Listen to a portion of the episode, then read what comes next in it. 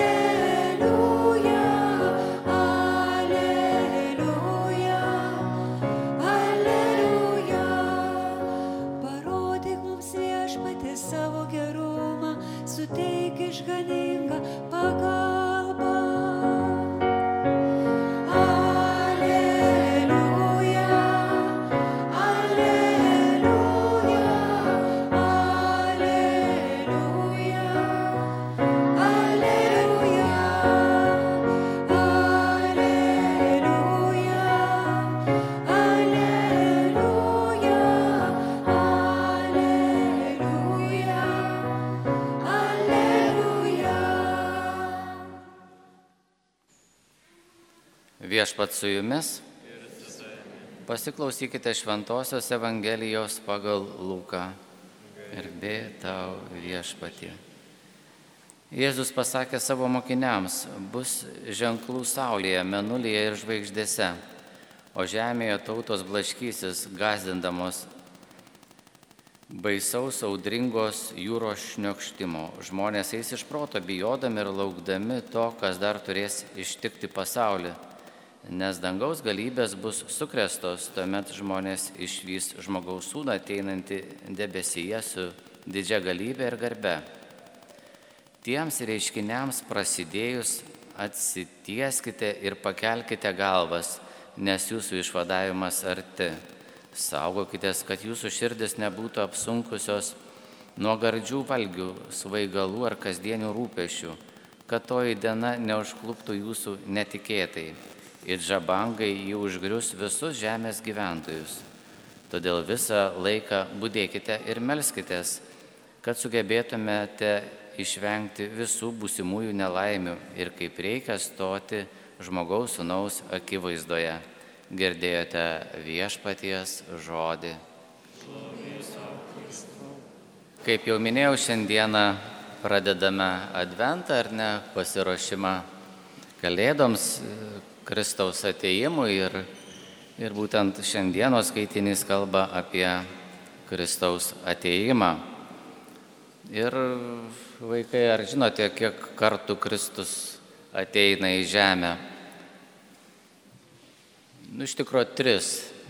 Pirmas tai jo gimimas, Kalėdos simbolizuoja.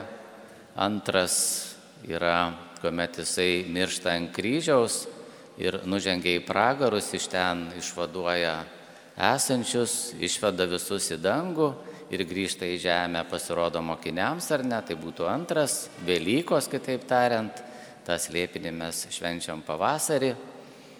Ir jau trečias, paskutinis, tai vad laikų pabaigoje, jis ateina į žemę irgi tam, kad mus vėlgi visą žemę pakeltų dangun visą kūrinyje. Tai va yra tie trys Kristaus ateimai ir krikščionio gyvenimas būtent yra pasiruošimas e, tam trečiam Kristaus ateimui. Aišku, yra vat, Kalėdos, Velykos ir prieš kiekvieną tą šventę mes turime tuos laikotarpius pasiruošimo. Tam, kad e, mums primintų, kaip mes turime gyventi. Adventas, gavėnė ar ne laikas, kuomet mes daugiau melžiamės, labiau pasnikaujam, labiau apsimarinam, bet tai nėra, kad va, čia tik tais kalėdom ar Velyko mes ruošiamės, iš tikrųjų ruošiamės tam galutiniam susitikimui su Dievu. Ir kiekvienas iš, mūsų tą patirsime, kiekvienas turė, turėsime stotis prieš Dievą, stotis jo akivaizdą po mūsų mirties.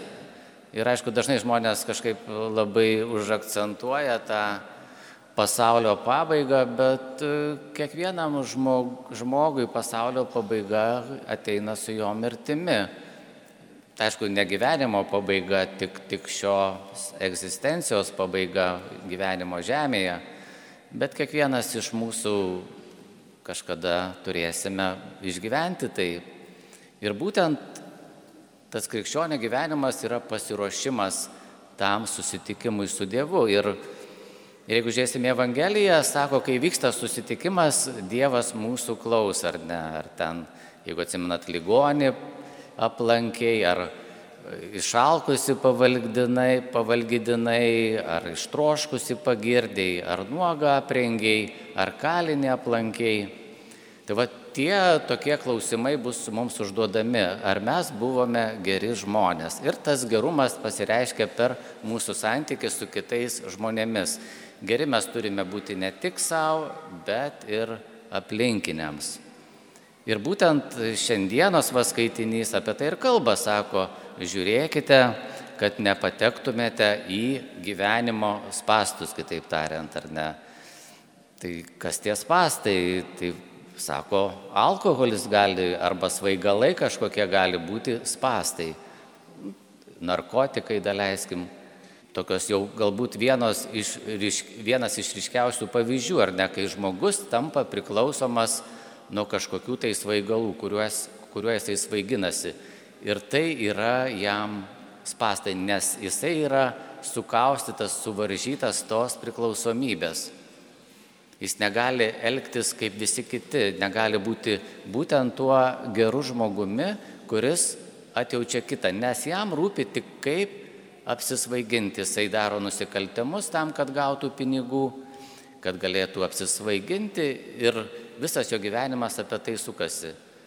Tai vad dėl to tie svaigalai yra blogai.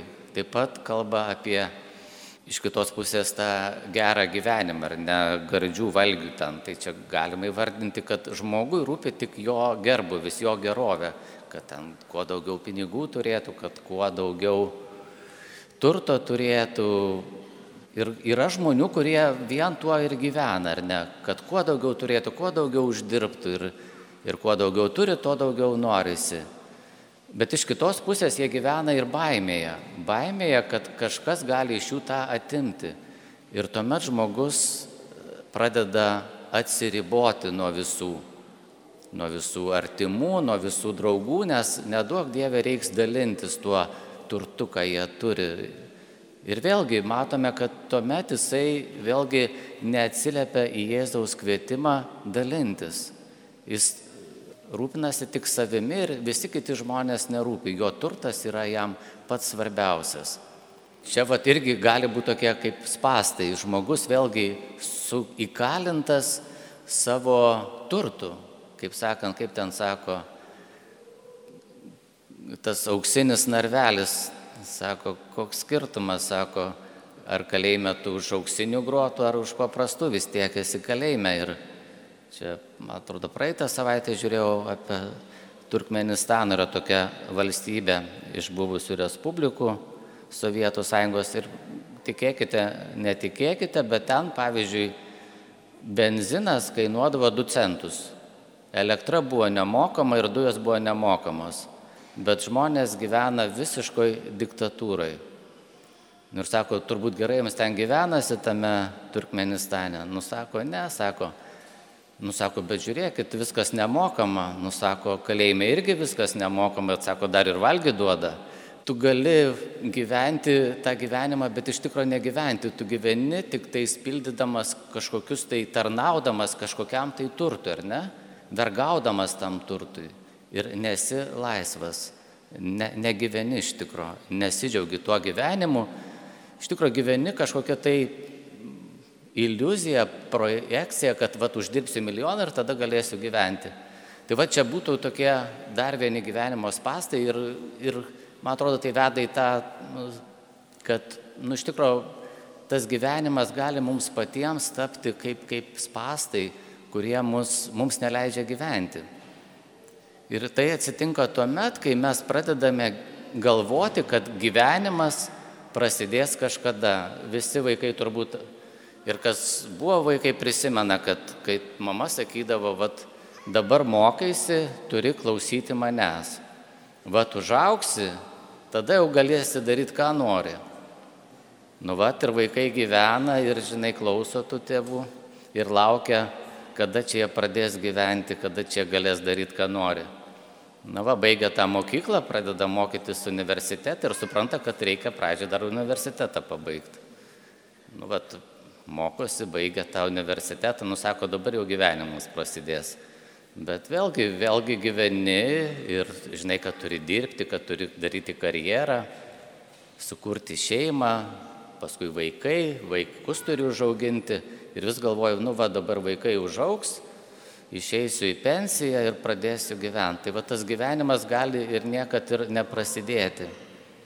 Tai man atrodo, šiandienos vat, Evangelijos mintis yra ta, kad jau dabar mes galime gyventi, pradėti gyventi. Nelaukti pensijos, nelaukti, kol baigsim mokyklą, pasidarysim karjerą. Šiandien jau gyvenimas prasidėjo, šiandien mes jau gyvenam. Ir tas gyvenimas yra Dievo dovana. Visa, ko mums reikia, kad mes būtume laimingi, mes jau turime.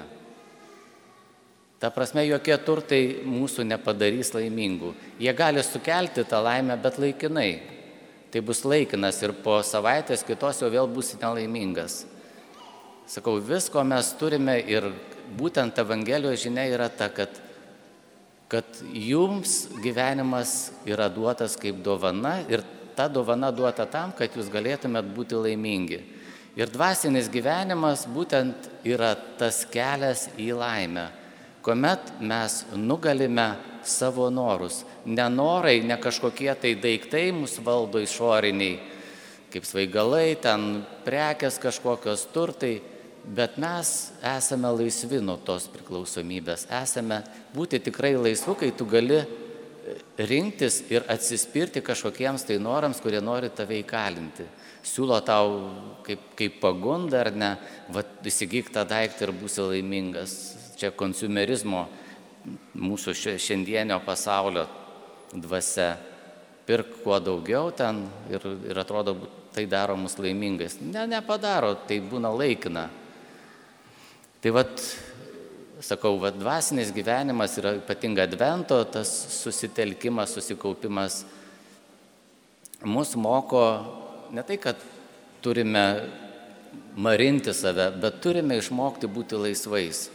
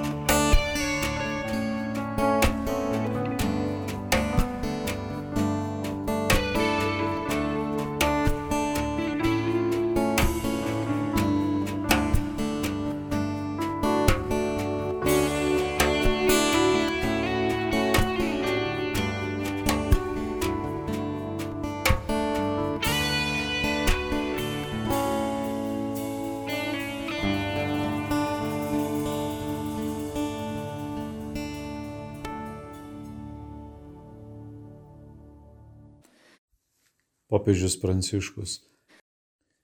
Dievas šeimos aplinkoje. Šeimos pašaukimas ir misija bažnyčioje ir šio laikiname pasaulyje. Šią kelionę privalo lydėti malda ir apmąstymas, ir į tai turi įsitraukti visa Dievo tauta. Aš taip pat norėčiau į šią bendrą kelionę įtraukti trečiadienio audiencijų įprastines meditacijas. Todėl nusprendžiau apmastyti šeimą, šią didžią dovaną, kurią viešpats davė pasaulį pačioje pradžioje, pavesdamas Adomui ir Jėvai misiją daugintis ir pripildyti žemę. Palyginti pradžios knyga pirmas skyrius 28 eilutė. Šią dovaną Jėzus patvirtino ir užanspaudavo savo Evangelijoje. Besertinančios kalėdos šiam slėpiniui atveria daug šviesos. Dievo Sūnaus įsikūnyjimas atveria naują pradžią visuotinėje vyro ir moters istorijoje. Ši nauja pradžia prasideda šeimoje, Nazarete. Jėzus gimė šeimoje. Jis galėjo ateiti įspūdingu regimu būdu kaip karvedys ar imperatorius. Ne, ne, jis gimė šeimoje. Tai svarbu suvokti jo gimimą, šią gražią sceną. Dievas pasirinko ateiti į pasaulį žmogiškoje šeimoje, kurią jis pats suformavo. Jis suformavo ją atokiame kaime Romos imperijos pakraštyje. Ne Romoje, kuri buvo imperijos sostinė, ne didmestyje, bet viename iš nepastebimų, menkos reputacijos pakraščių. Evangelijoje tai primenama posakiu, ar iš Nazareto gali būti kas gero. Jono Evangelijos pirmas skyrius 46 eilutė. Galbūt daugelie pasaulio vietų mes taip pat sakome išgirdę minint kai kurių priemeščių rajonų vardus. Taigi būtent ten, didelės imperijos pakraštyje, prasidėjo pati švenčiausia ir geriausia Jėzaus buvimo tarp žmonių istorija. Būtent ten buvo ši šeima. Jėzus gyveno toje periferijoje 30 metų. Evangelistas Lukas apibendrina šį laikotarpį taip. Jėzus buvo jiems klusnus. Tai yra klusnus Marijai ir Juozapui. Kas nors galėtų pasakyti, bet ar šis Dievas, atėjęs mūsų išgelbėti, tuščiai eikvojo 30 metų tame prastos reputacijos pakraštyje? Jis išeikvojo 30 metų. Jis to norėjo. Jėzaus kelias ėjo toje šeimoje. Jo motina laikė visus įvykius savo širdyje, o Jėzus augo išmintimi, metais ir malonė Dievo ir žmonių akise. Luko Evangelijos antras skyrius 51-52 eilutės.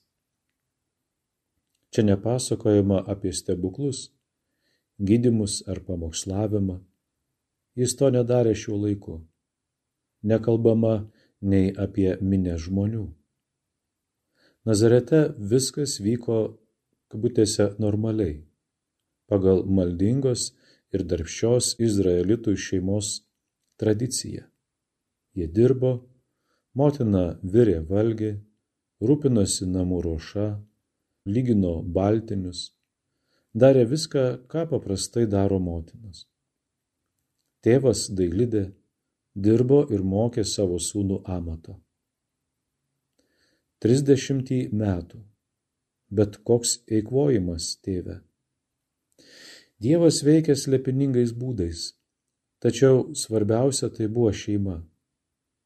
Tai nebuvo eikvojimas. Jie buvo dideli šventieji. Marija, švenčiausioji, nekaltoji moteris ir Juozapas, teisiausias vyras - šeima. Mūsų iš tikrųjų jaudintų pasakojimas apie tai, kaip jaunuolis Jėzus laikėsi bendruomenės religinių apieigų ir vykdė visuomeninės pareigas. Kaip jis jaunas darbininkas dirbo su Juozapu, kaip dalyvavo skaitant raštą, meldžiantis psalmes ir atliekant daugelį kitų kasdienio gyvenimo papročių. Santūrus Evangelijų pasakojimas neduoda nuorodų į Jėzaus jaunystę ir palieka šią užduotį mūsų meilingai meditacijai. Menas literatūra, muzika pasitelkė vaizduotę ir ėjo šiuo keliu. Iš tikrųjų, nėra sunku įsivaizduoti, kiek daug mamų galėtų pasimokyti iš Marijos rūpinimosi sunumi. Taip pat kiek daug tėčių galėtų žvelgti į Juozapo, teisiojo vyro pavyzdį. Jis pašventė savo gyvenimą, kad sunkiais laikais išlaikytų ir apsaugotų vaiką ir žmoną savo šeimą. Jau nekalbant apie tai, kiek daug jaunuolių galėtų semtis padrasinimo iš paauglio Jėzaus, norėdami suprasti, kaip būtina ir gražu puoselėti savo giliausią pašaukimą ir svajoti didžias svajones.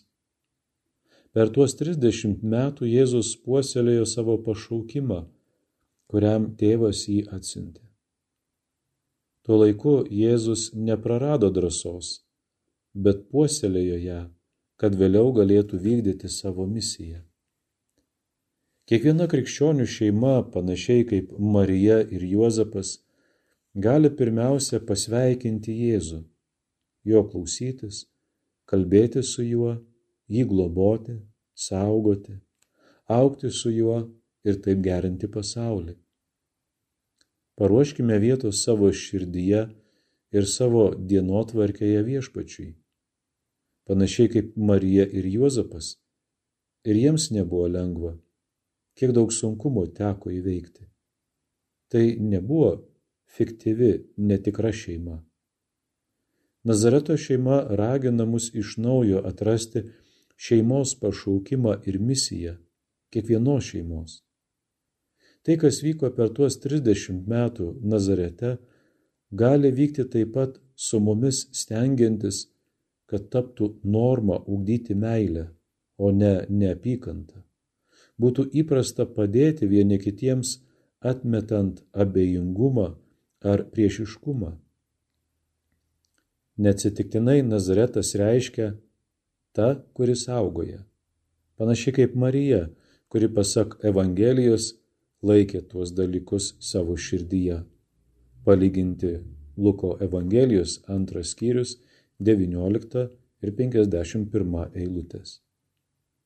Nuo tada kiekvieną kartą, kai šeima laikosi šios lėpinio, net jei tai vyksta pasaulio pakraštyje, veikia Dievo sunaus lėpinys, mus gelbėti ateinančio Jėzaus lėpinys.